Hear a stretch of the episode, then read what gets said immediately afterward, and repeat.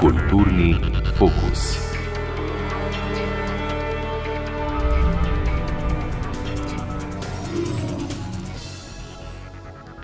Pozdrav v oddaji Kulturni fokus. Mara Anjoli Vujič, Alenka Trebušak in Mateja Podlesnik. Nocoj se torej vračamo s pogledi, ki se v cukrarni širijo v različne smeri, v preteklost, predvsem nazaj v desetletja ustvarjanja, uveljavljanja in pozicioniranja slovenskih umetnic ki delujejo ali so delovali v polju likovnega in vizualnega, tako pri nas kot drugot.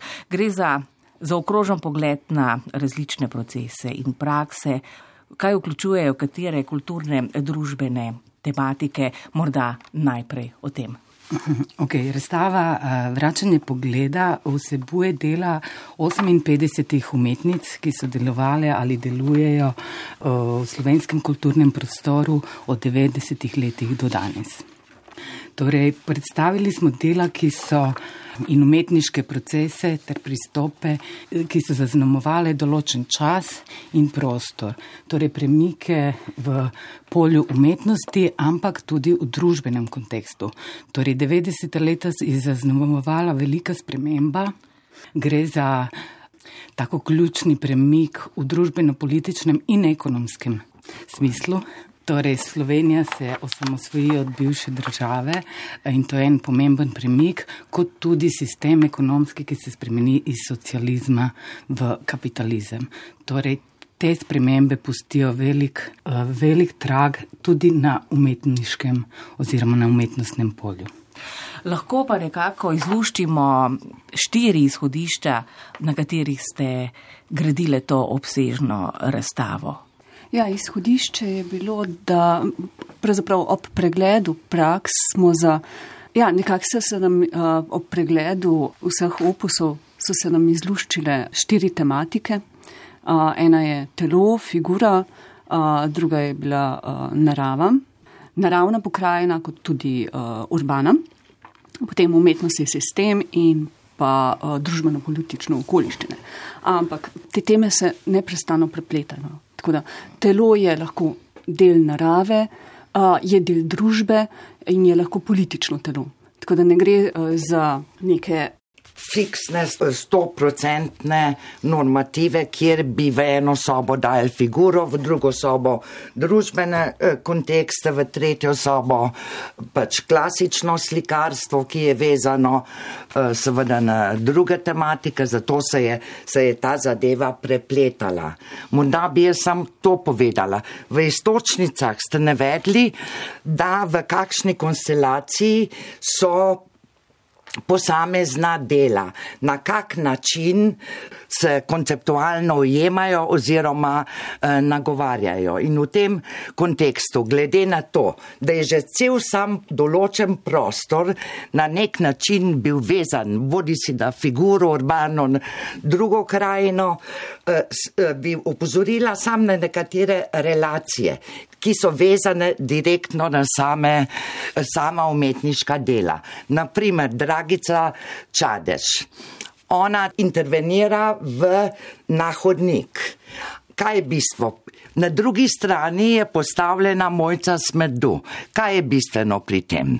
Bistveno je to, da Dragica Čadež kot umetnica jemlje material iz narave in ga ustavlja v sam galerijski prostor. Nasprotno pa mojca Smedujeva njena dela živijo zgolj v naravi. Zato ni na ključje, da Dragica nima javnih spomenikov, da deluje v galerijskih prostorih, medtem ko Mojca Smrdujeva deluje v javnih parkih, na, v, na področju spomeniške plastike, v arboretamih in tako naprej. Njeno življenje se sprošča skratka v naravi. To je ena relacija. Druga relacija, je naša Metka, Metka Kraševec, ki direktno korespondira z Tino Dobrajc. Kaj je bistveno bilo pri tem? Pri tem je bistveno, gre za dve sliki, ki se ukvarjata z isto tehniko, kar pomeni vračanje eh, pogleda v tej konstelaciji, se navezuje na samo razstavo. Tehnika je pa ukana očesa. Kaj to pomeni? Praktično je eh, zaslovela metka s svojimi podobami, angelskimi podobami, z očmi, ki spremljajo obiskovalca bodi si da je na levi ali na desni. Imamo primer parkovne zaslove, tridimenzionalno koncipirane, kjer prav tako gledamo lahko od leve do desne in vrača nam slika pogled. S katero koli pozicijo jo gledamo, dobimo mi, se nam park vrača. Podobno je. Pod, ja. Podobno je sto, uh, Tino Dobrajc, ki je veljala že na akademiji za zelo, uh, zelo uh, talentirano umetnico, ki se ravno tako obrača. Kompletno telo, kamorkoli se ti postaviš. Imamo sliko, sploh ne vem, kako je naslov, ampak enih pet uh, figurje, ki te spremljajo od leve proti desni. Skratka, to je ta fenomen. fenomen ampak to obvlada, eh, ta Trumpej obvlada zelo malo umetnikov, ker bazira na senčenju in tako dalje in tako dalje. Zakaj smo se odločili, da smo dali mojco zlokarnik in zakaj smo dali uh, geometrijsko abstrakcijo? Eh, duše jesih. Duša jesih v bistvu dela poliptihe na osnovi pentagrama, črna bela, v črna bela redko, redkeje uporablja barvo, medtem ko mojca zlokarnik ima absolutno druge pristope gradi vse na barvi in če poznate Barneta Newmana, vidite, da je to sledilka oziroma nadaljevalka abstraktnega ameriškega ekspresionizma. Skratka, na teh vidikih smo nekako gradili. Verjetno se je zaenkrat dostno. Ampak vseeno, zdaj le ste seveda povedali nekaj o teh dialogih pravzaprav znotraj prostora med umetnicami. Razstava je grajena na teh dialogih, po drugi strani pa seveda so bile določene umetnice v svojem času odrinjene, spregledane, nerazumljene, težko so prodirale. To je sicer preteklost, ki se pa znova včasih vrača in se zdi, da tudi zdaj morda ne zasedajo ženske umetnice tistega mesta, ki bi ga morale. Mnoga dela, čeprav gre le za nekaj letno distanco, če govorimo o datumih nastankov, je zanimivo ozreti v družbenih momentih tega trenutka in pa pred nekaj leti, ko se predrugačijo ti umetniški sistemi in se na novo gradijo tudi v drugačnih družbenih okoljih. Zato me zanimajo tudi ti družbeni momenti, v kateri so delovali in kako so potem gradile svoje koncepte, ki se zdaj srečujejo na tej razstavi. V bistvu je pomembno povedati, da se v 90-ih letih tudi umetnostni sistem gradi znova. Ob, eh, pojavljajo se eh, in razvijajo se eh, privatne, zasebne, neodvisne oziroma nevladne organizacije, ki se ukvarjajo z umetnostjo in kulturo. To seveda omogoča bolj pluralno produkcijo v smislu drugačnih umetniških praks, katere v bistvu tudi uveljavljajo določene umetnice. Gre za, za razliko s preteklim obdobjem iz socializma in tradicije modernizma za novi tip vsebin.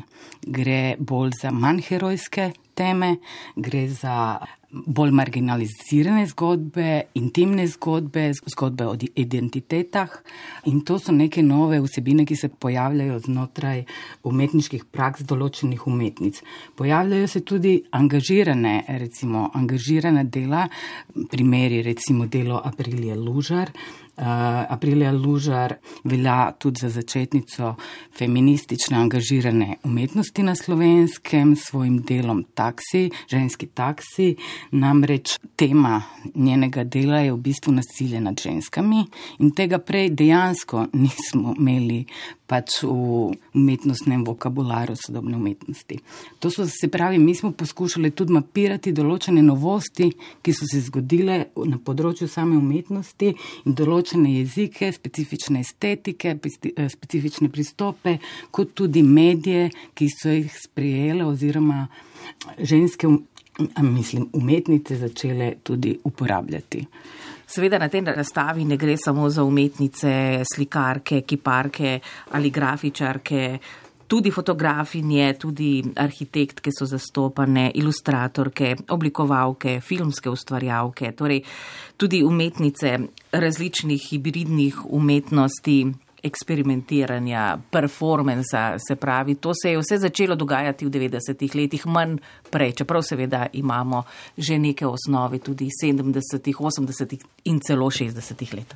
Modernizem v 90-ih letih izginja v svetu, ne pri nas. Kaj torej pomenijo 90-ta leta, kako drugače mislimo umetnost? To sem hotela prej povedati. Zakaj je ta uh, razpon, razkorak od pred 90 in po 90. Zato, ker je zaton modernizma, absolutno, ki je prej v Evropi in Ameriki že pozabljen, se pri nas vleče še nekaj časa. In res v 90 letih takrat govorimo, saj na področju klasičnega slikarstva, da je konec bodi si sliko, bodi si s klasičnim kipom. In to je prineslo tudi novosti, tudi na pod, področju teorije teoretske teorije.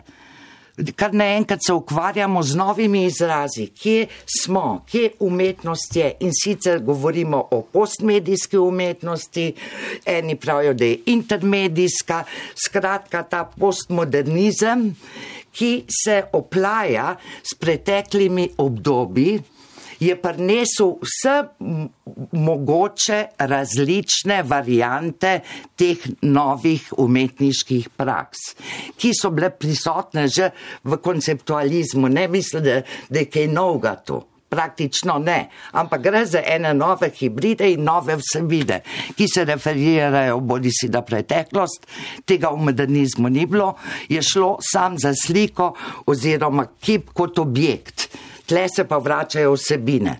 In v tem kontekstu je prišlo do velikega razpona vseh teh praks, ker ne govorimo več o slikarstvu, kiparstvu, ampak govorimo o vizualni umetnosti. In vrsta teh umetnic, ki se jih niso, so vizualne umetnice. Morda so po osnovni izobrazbi arhitektke, ampak danes delajo povsem neki drugega. Mi nimamo eh, klasične razstave fotografije, nimamo ilustratork razne ene.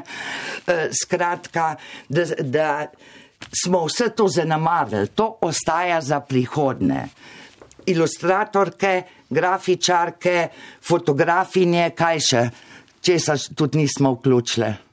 Ja, praktično vse ostalo je ob robu, stane in čaka za, za naprej.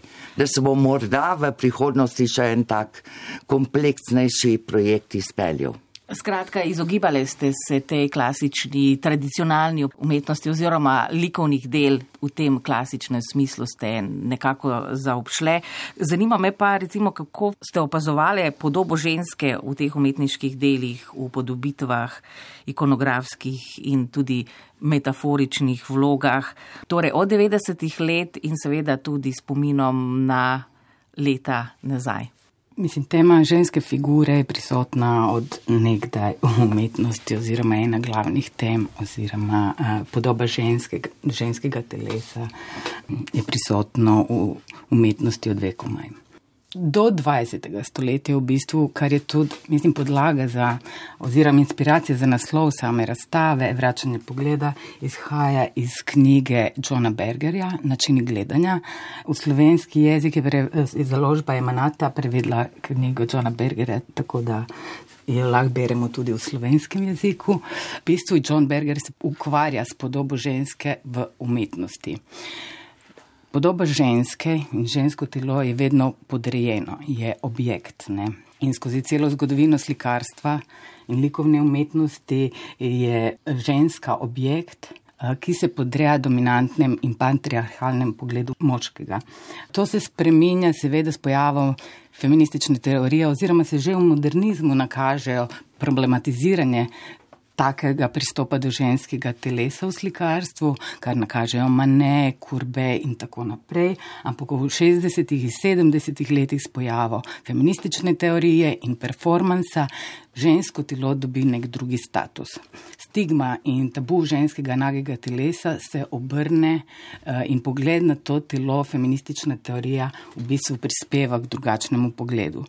Tisto, kar smo mi poskušali, v bistvu se nismo toliko ukvarjali samo podobo ženske v narastavi, pa smo vključevali dela, ki na različne načine odpirajo do, določene vprašanja v odnosu do ženskega telesa. Naprimer, zelo eksplicitna, tako in posebna, unikatna praksa je praksa, umetniška praksa tandema Eclipse. To je nekaj novega, ko se zgodi konc 90-ih let. Uh, gre za performance Vener in Test, v katerem umetnici v bistvu preizprašujeta pomen ženskih, ami, ami, ženskih na slovenski umetniški sceni oziroma umetnica uh, um, s pomočjo moškega telesa ki ga označijo kot potenciometer, izgovarjajo uh, imena stotih slovenskih umetnic in poskušajo zaznati spremembe v potenciometru oziroma moškem telesu in te se ne zgodijo.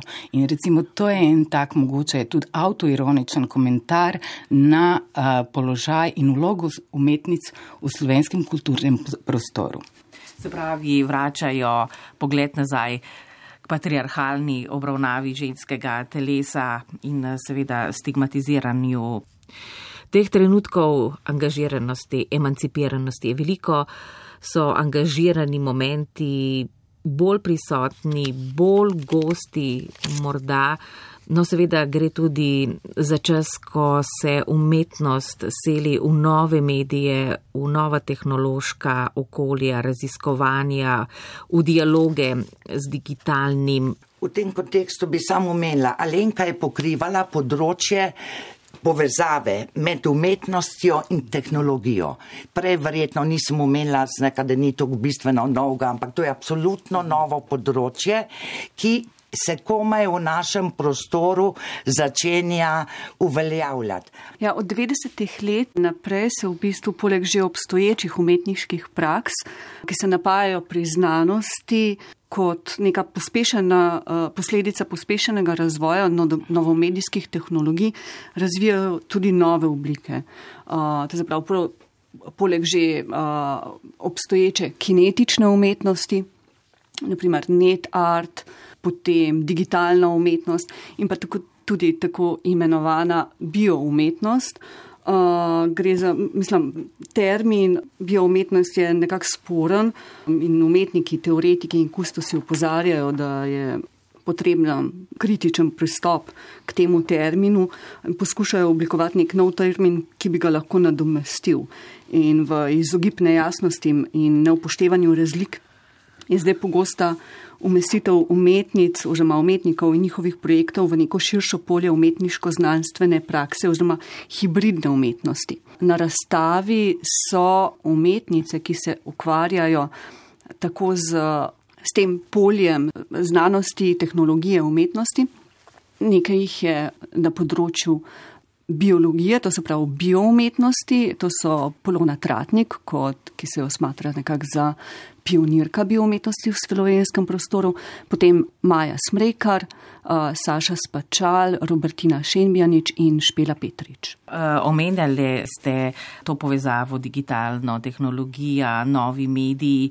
Kaj pa lahko rečemo v zvezi z razstavo o problematiziranju relacij človek-stroj, človek-človek, človek-žival, žival, človek, hrana, žival?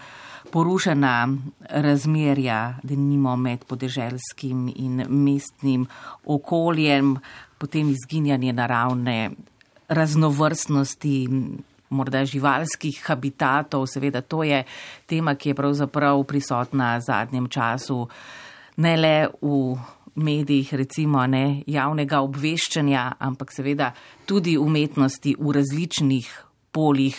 Se pravi, umetnice vnašajo te segmente, te tematike, te vsebine v svoje dela in seveda v svoje razmišljanje. To je ja. biotehnologija, to je to. Tudi gre za prakse kot recimo prakse ki jih uveljavlja um, Marjetica Potrč ali Polonca Lovšin.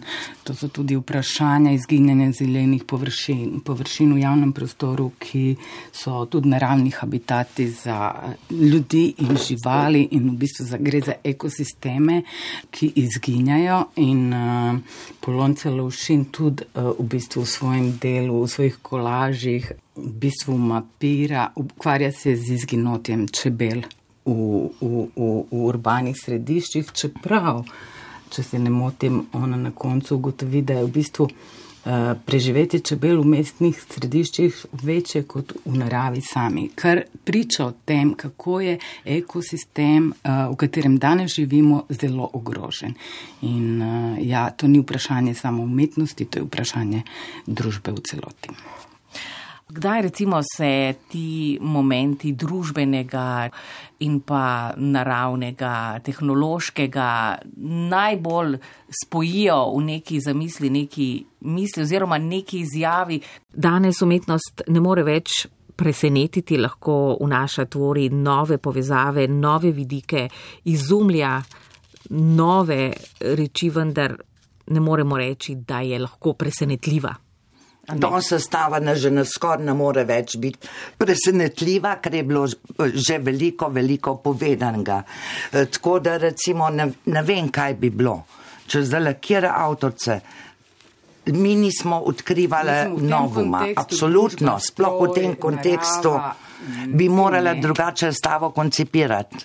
Absolutno. In jo fokusirati na, eh, ena, eh, zdaj, na 21. stoletje, na, na zadnjih deset let. Ni bila na ta način koncipirana. Bila je zgolj koncipirana od 90 let dalje, da v pač te prakse nekako zaokrožimo. Eh, sigurno, da je, ja. no, če da čistko rečem, bioznanost. Tu so absolutno za nekatere obiskovalce dognanja, zelo pomembna. Medtem ko za strokovnjaka z področja znanosti bojo pa rekli, kaj se pa grejo te kvazi znanstvenice. Ne? V glavnem vse te nove prakse, ja, od Marjetice do Polonce Lošin, eh, pa je področje bioznanosti, tle so presenetljivi momenti, iz katerih se lahko obiskovalec nekaj nauči. Ne? Ni bil pa koncept tak da šle na te špice. Ne? Ja, smo, smo nekako sledili tem momentom. Naprimer, eh, Polona Tratnik je zastopana z, eh, z projektom LAS, v katerem v bistvu ona preuprašuje mejo med življenjem in smrtjo, ki jo je v znotraj biotehnologije zelo težko umestiti, zaradi tega, ker gre, če se naprimer živo celico ohladi na, mislim, da 194 stopinj Celzija v tekočem dušiku. In se jo potem ogreje na 37 stopinj, se lahko v bistvu življenje prižiga in ugaša. Ne? Te ločnice ni. In prav to je v bistvu ona sledila v, v svojem projektu, ko je z odzela od starševskega organizma las s foliklom, uh, kirurško, in ga potem v uh, biološki postaji gojila, mislim, da več kot en mesec, kjer je rastel in živel naprej. Ločen, to se pravi, uh, vprašanje redukcije telesa na eno samo celico, ki nosi uh, vse podatke o uh, izvornem organizmu in hkrati življenje tega ločenega dela, tudi potem, ko se, ko naprimer starševskega organizma ni več. Vidimo različne digitalne modele, različne tehnike in tehnologije, umetno inteligenco, prenašanje virtualnega v realno, iz realnega morda v virtualno, potem iz analognega v digitalno in obratno, potem so tu še sanske podzavestne podobe in seveda številne imaginacije, pa politična polja, o katerih bomo morda govorili malce kasneje, umetnostne izjave, težko je ostati tudi pri starih terminih. Označevanje umetnosti je lahko zelo problematična stvar. Če se spet vrnem na modernizem. V bistvu kompletni modernizem je na ravni, na imaginarni ravni percepcije umetniškega dela. In tako recimo, da si da zgolj skozi slikarski medij ponazoriš bodi si svetlobo, bodi si tisto duhovnost. To smo skušali na ta način uh, te, vključ te modernistke, kot je naprimer Zdenka Žido. Eh, potem eh, je še kakšna taka bila, kdo so, katere so še eh, povsem modernistične prakse v slikarskem mediju. Niti, niti jih ni tolk, ne? ampak v osnovi uh, gre za uh, Danes ne moramo več govoriti o nezavednem, saj ne v sodobni umetniški praksi, tega ni. Ne, v tem kontekstu samo to je stvar imaginacije, stvar percepcije, stvar gledanja umetniškega dela. In danes praktično ni umetnic, ki bi. Uh, jih percepirali tako, da glej, glej, glej umetniško delo. Se problem tega gledanja umetniškega dela je, recimo so delale raziskave, kaj se dogaja v, v muzejih in galerijah. Ljudje devet desetin berajo tekste, ne gledajo pa umetniškega dela. Sam ena desetina se, ga, se gleda. Ne? Tako da je danes ta praksa mal zanemarjena ne, gledati in si ustvarjati na tej imaginarni ravni eno kontemplacijo in po svoje percipirati to eh, umetniško delo. Zato modernistke nočejo o svojih delih govoriti, nočejo ničesa zapisati, to naj si vsak gledalec svojo sliko ustvari. To je bistvo te, tega modernizma, ne? ki je razen konceptuale in tako naprej. Ne? Minimalizem na tem tudi bazira. Ne? Ampak danes pa ni več temu tako. Danes pa sam še piše. Zelo velik razlaga prakse, da povprečen gledalec sploh razume, zakaj gre. Umetnost, skratka, to je zelo komplicirana. In racionalizirana preveč s pisanjem, seveda, in razlaganjem. Ja, seveda, vse je treba pojasniti, ker sicer ne veš, zakaj za gre. Tako da so klasična praksa po tej plati, vsak nekaj mal meditira in si eh, pač izriše svojo sliko. No, na razstavi seveda najdemo tudi dela, ki preizprašujejo različne kontekste državnih simbolov, potem slovensko mitologijo, nekdanje identitete. Gre za recimo primere družbenega etiketiranja. Omenili ste prej le že uh, Stino Dobrajc, tudi folkloro, nacionalni tradicionalizem, potem manipulacijo, da nimo z nacionalnimi identitetami. Se pravi, tukaj je sodobna mitologija o prejšnjih mitih in seveda ugledanje nekdanje mitologije, takrat, ko je ta mitologija bila aktualna.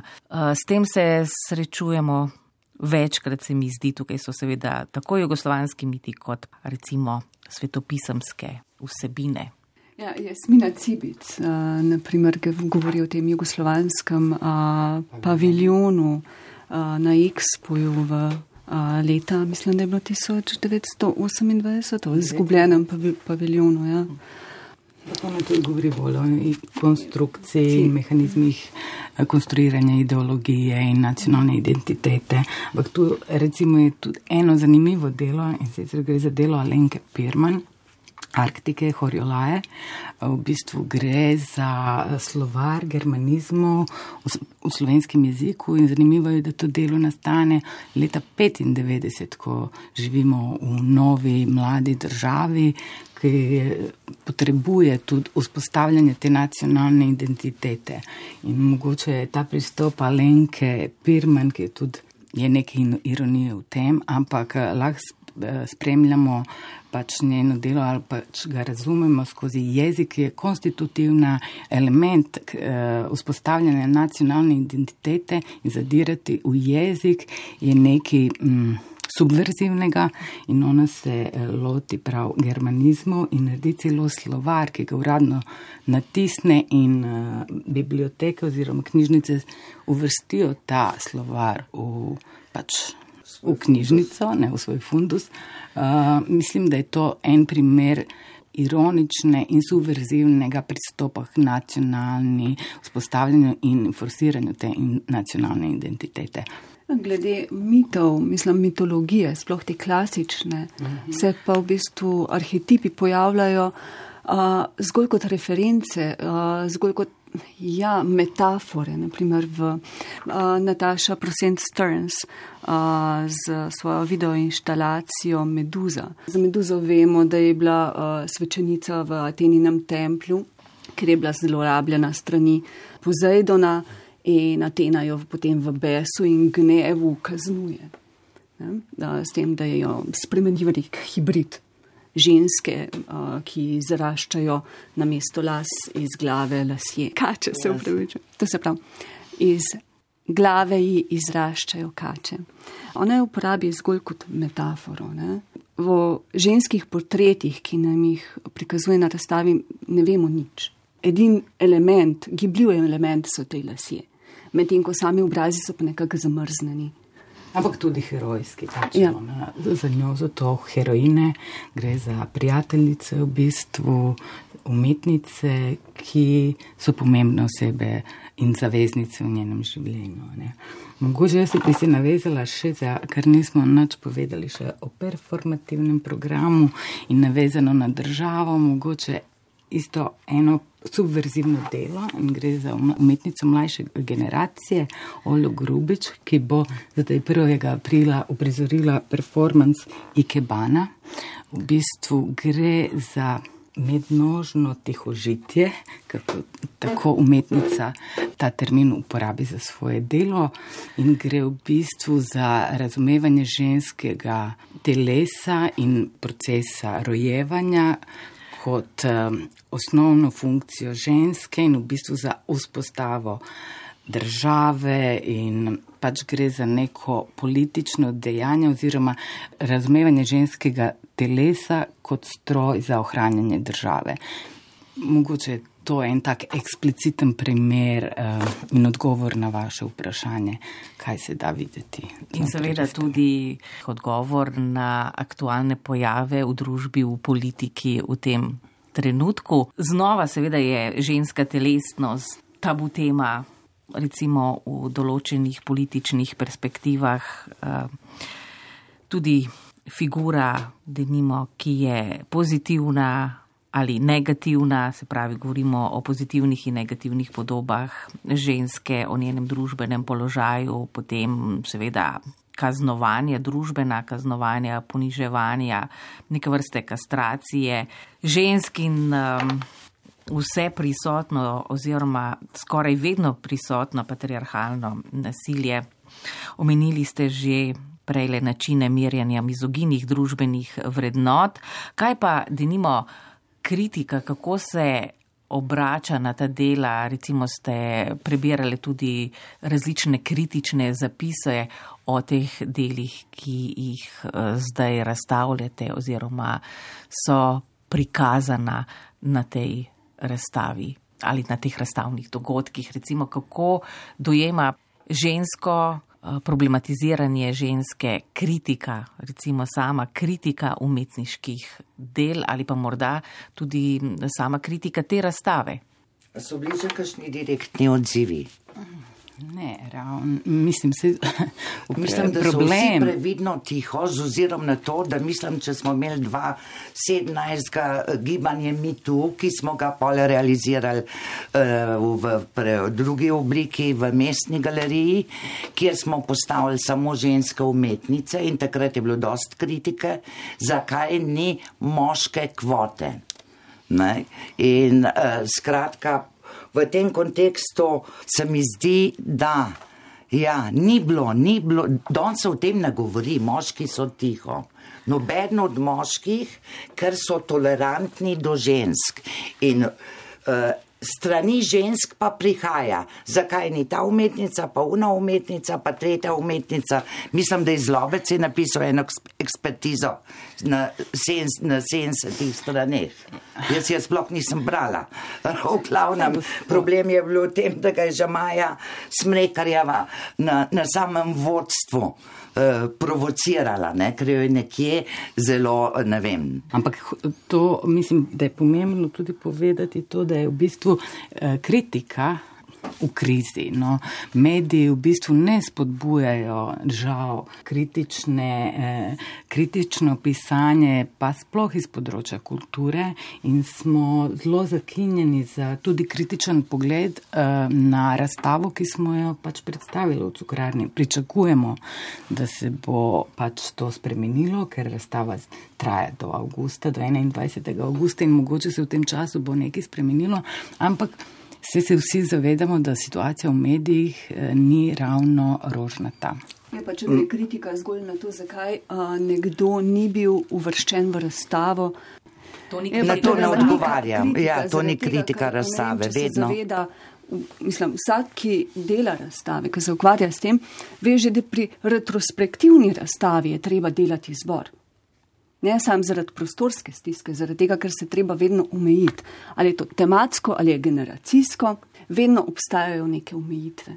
Zakaj pa je pomembno, zakaj je pomembno, da pokažemo na razstavi umetnost žensk, recimo na skupni razstavi, predvsem ženske in izločimo ta moški segment, recimo uh, v tem smislu, oziroma je prisoten z drugačnim pogledom, se pravi ne z deli, ampak eh, znotraj del mogoče umetnic.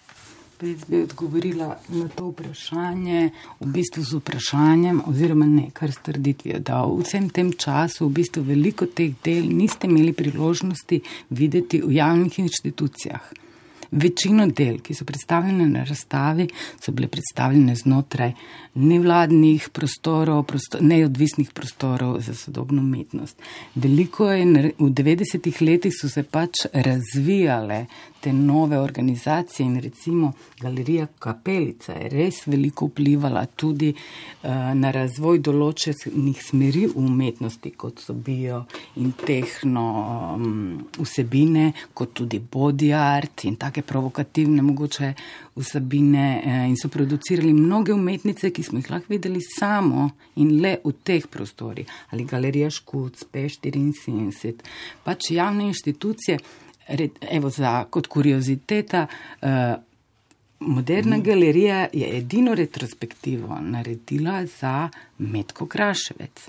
Medka Kraševec je bila edina uh, profesorica na Aluju za slikarstvo. Danes imamo še Ksenijo Črče in to je pač vse. Uh, torej, Zakaj eh, mislim, da je to že odgovor? Zakaj? Ker pač ženske vstopamo v te strukture in omogoče v nacionalno pomembne eh, inštitucije, lepo časi, pa mogoče je merilo tudi predstavitve na Beneškem bienalu, ker gre za nacionalno predstavitev. Mislim, da so bile predstavljene tri umetnice. Eh, Nataša Prosenc Terns, Jasmina Cibic, Nika Autor. Mogoče sem koga pozabila, ampak mislim, da ne. Se pravi, v zgodovini Slovenije gre za 30 let uh, obstoja ene države, tri ženske so predstavljale Slovenijo v nacionalnem paviljonu na največjem uh, dogodku sodobne umetnosti. Lahko se tudi, uh, lahko tudi razmišljamo o nagradah mogoče v zadnjih desetih letih se slika mal spreminja, ampak predtem razmerje med prejemniki prešernovih in drugih nagrad je nesorazmerno do te mere, da je to boleče. Torej, eh, zakaj? Ko nekdo vpraša, zakaj ženske, je to že odgovor, zakaj. Ker za moške se nikoli niti ne sprašujemo, zakaj. Se pravi, ženske so bile desetletja tudi ta zadnja desetletja predstavljena predvsem v prostorih, kjer je ozek pogled na nje bil omogočen oziroma so bili to bolj obstranski, nevladni, kot ste rekli, recimo prostori. Zdaj le pa nekako to razstavo gleda večja množica ljudi, ki je seveda s tem tudi seznanjena razstave v teh manjših prostorih. Glas o tem ne, ne pride ponavadi do širše množice ljudi, zato me zdaj le zanima in moje naslednje vprašanje je, ali dejansko je obisk te razstave takšen, kot ste pričakovali, pričakovali, če ste sploh pričakovali kako določeno število obiskovalcev. Po izkušnji pretekle razstave, ki si jo je ogledalo več kot 20 tisoč ljudi, se mi zdi, torej prve razstave v cukrarni, pričakovali smo večji obisk, ampak eh, mogoče ne ravno tako velik, kot je bil pri otvoritvi in s prvim projektom in prvo razstavo, zato ker smo mislili, da so obiskovalci tu zainteresirani za samo arhitekturo, za nov prostor in pač za ogled arhitekturne prenove. Ampak nas je v bistvu tudi ta obisk zelo prijetno presenetil. Eh, danes, koliko vodstev imamo danes? Eh, danes je 14 vodstev. Torej, gre predvsem za šole, se pravi izobraževalne institucije, gre za mešano publiko, za kakšna je struktura. Za dijake, za študente, za individualne vodenja. Res, uh, Koga si imela Alenka, ti zdaj so prišli, si v angliščini morala. Izjemno. Različna struktura prehaja. Cela šola cela šola, uh, mislim, da vsi razredi osnovne šole Murankete. Ankete Murankete, se pravi, čujem. Včeraj so bili študenti iz prvega letnika kulturologije, uh, osnovne šole, srednje šole, ne samo iz Ljubljane, iz cele Slovenije. Gre tu za individualno vodstva, pač manjše skupine, šole za tretjo življenjsko dobo, res ogromen interes eh, vseh generacij in vseh zelo različnih ciljnih skupin. Nismo pričakovali takega res izjemnega obiska in interesa za razstavo iz strani publike. Organiziranost vnaprej napovedana. Nov galerijski prostor. Ljubljana praktično je za moderno galerijo, seveda tisti je bila prenova. Tokratni prostor je pa samo obot je ostal, vse ostalo je pa novogradna. Ne?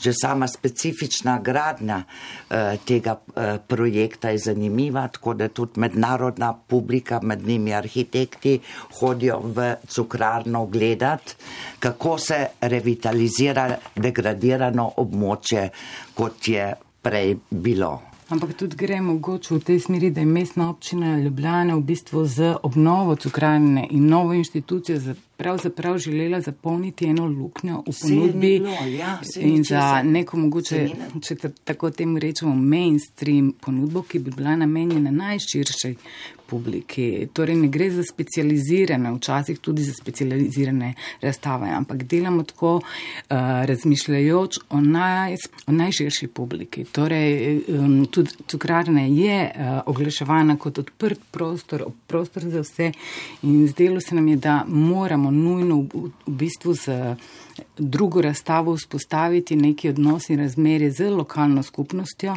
in mogoče je tudi to delno odgovor na uh, vprašanje, zakaj toliko obiskovalcev, ker vseeno gre za 58 domačih uveljavljenih umetnic, ki pač imajo svoje občinstvo in zanimanje za pač sam ta dialoška razmerja in postavitev razstave je zelo, vel, zelo močne. Uh, mogoče so to odgovori na ta vprašanja.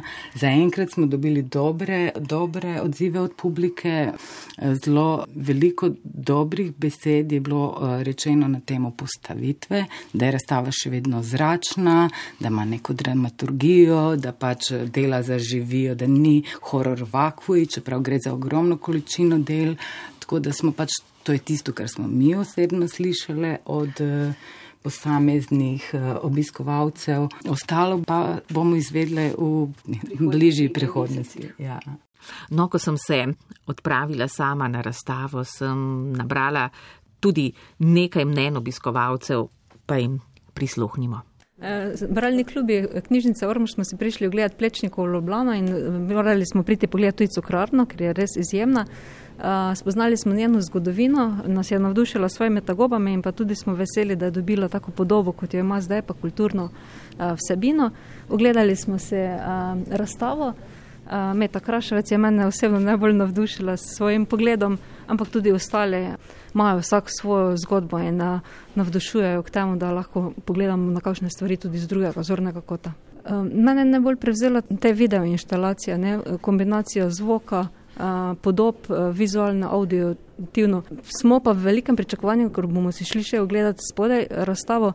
Avtorice si nisem zapomnila, sem pa mi je vsedlo v glavo opozorilo, da za epileptike ni primerna, tako da pričakujem nekaj takšnega, ki se me bo dotaknilo. Uh, mislim, zelo lepo je videti, da je ena razstava, kjer so specifično ženske umetnice, ampak se, ne, se to ne izpostavlja kot zdaj specifično taka razstava, ampak je pa lepo plasirano, to zelo subtilno um, in je zelo lepo videti. No, Da se tudi nekako v sodobni umetnosti veliko ukvarjamo, še zmeraj z zelo pomembnimi temami, kot vidimo na tej razstavi, kot so globalno segrevanje, problematika, imigracija, LGBT in potem v zgornjem nadstropju še feminizem, ta ženski taksi, mi je recimo izredno zanimivo delo. Tako da ja, no, jaz mislim, mislim da, da je zelo lepo videti, da kljub temu, da cel svet gre malo nazaj v enih vrednotah, uh, se mi zdi, da se ravno v takih ustanovah um, vidi, da ni temu vse tako. Meni se zdi, da je vračanje pogleda zaradi tega, ker spoznamo slovenske umetnice, ki so zelo, zelo močne in zelo, imajo, so imele velik vpliv tudi v. Pač v 90-ih in so tudi takrat prišli na sceno. Zdi se mi, da pač vtis, ki ga daje razstava, je, da se moraš vrniti pogled in da pogledaš neke stvari, ki so dejansko problematične na, v današnjem svetu. In Pač eh, v drugem štuku je ena aprilja, ki je imela taksi za ženske, ki so potem in jih je snimala, kako so govorile o posilstvu in kako so bile posiljene. To se mi zelo, zelo, zdi zelo dober koncept, kako pač pristopiti do, do te stvari in da se govori o tem, pač, ker dejansko so vsi potisnejo takšne stvari dol. Ja, definitivno se komplementirajo, se mi zdi, kot da bi druga drugo sodelovala, da je ena odrasla časa drugega.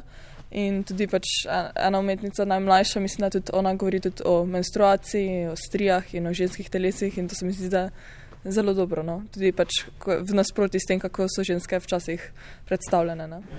Ja, v bistvu je bilo zanimivo, še tabel so bile televne skulpture v drugem nadstropju, meni se zdi.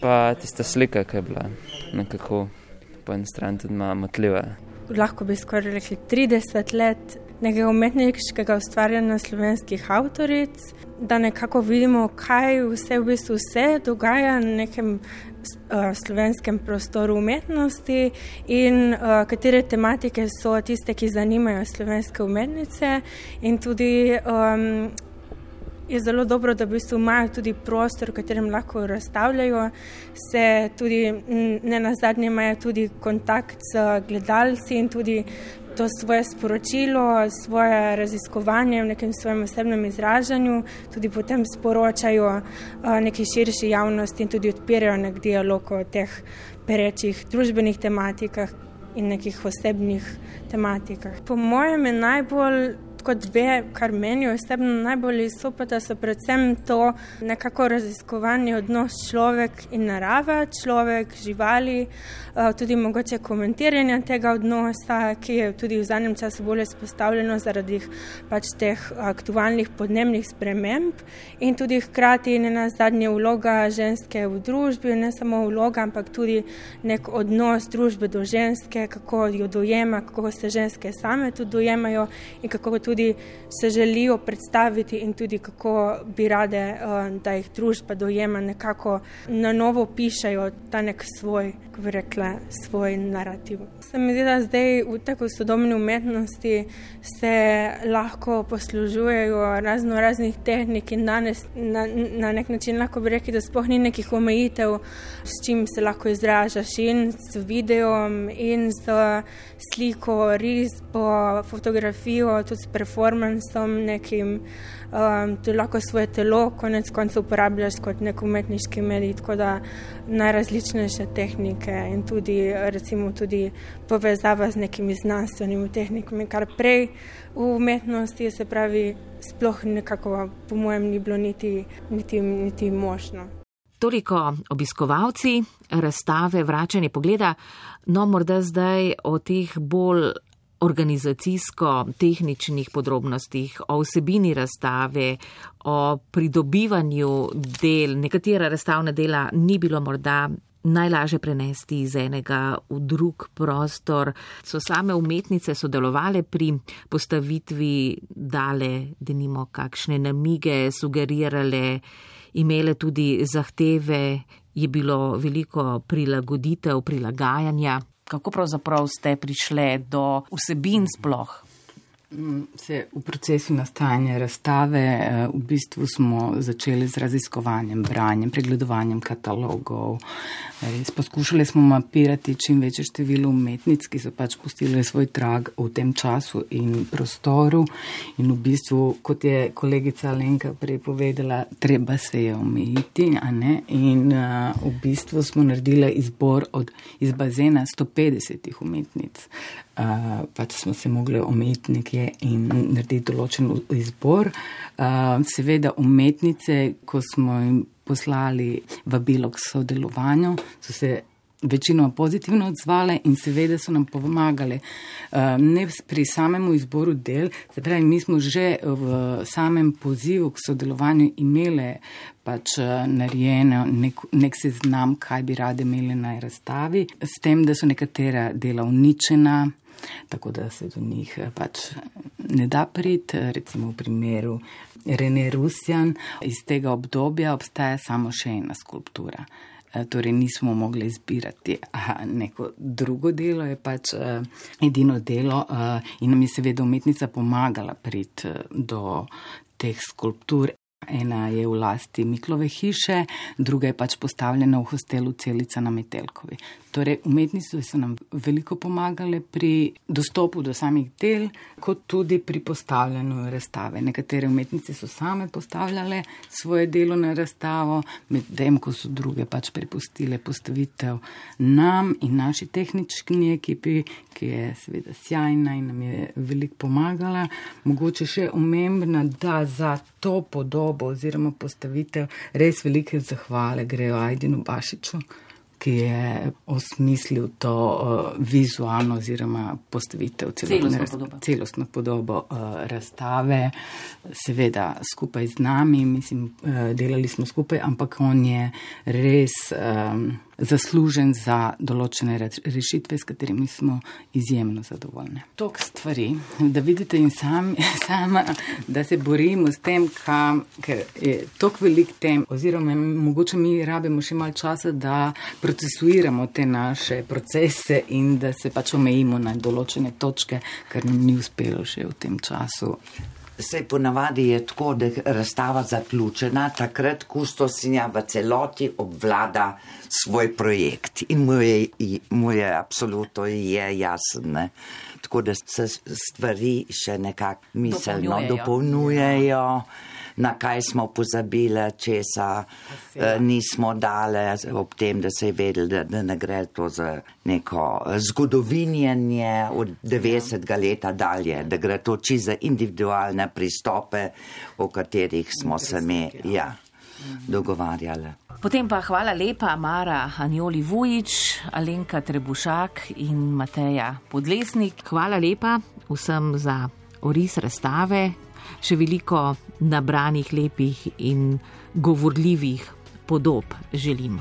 Hvala vam. Hvala tudi vam.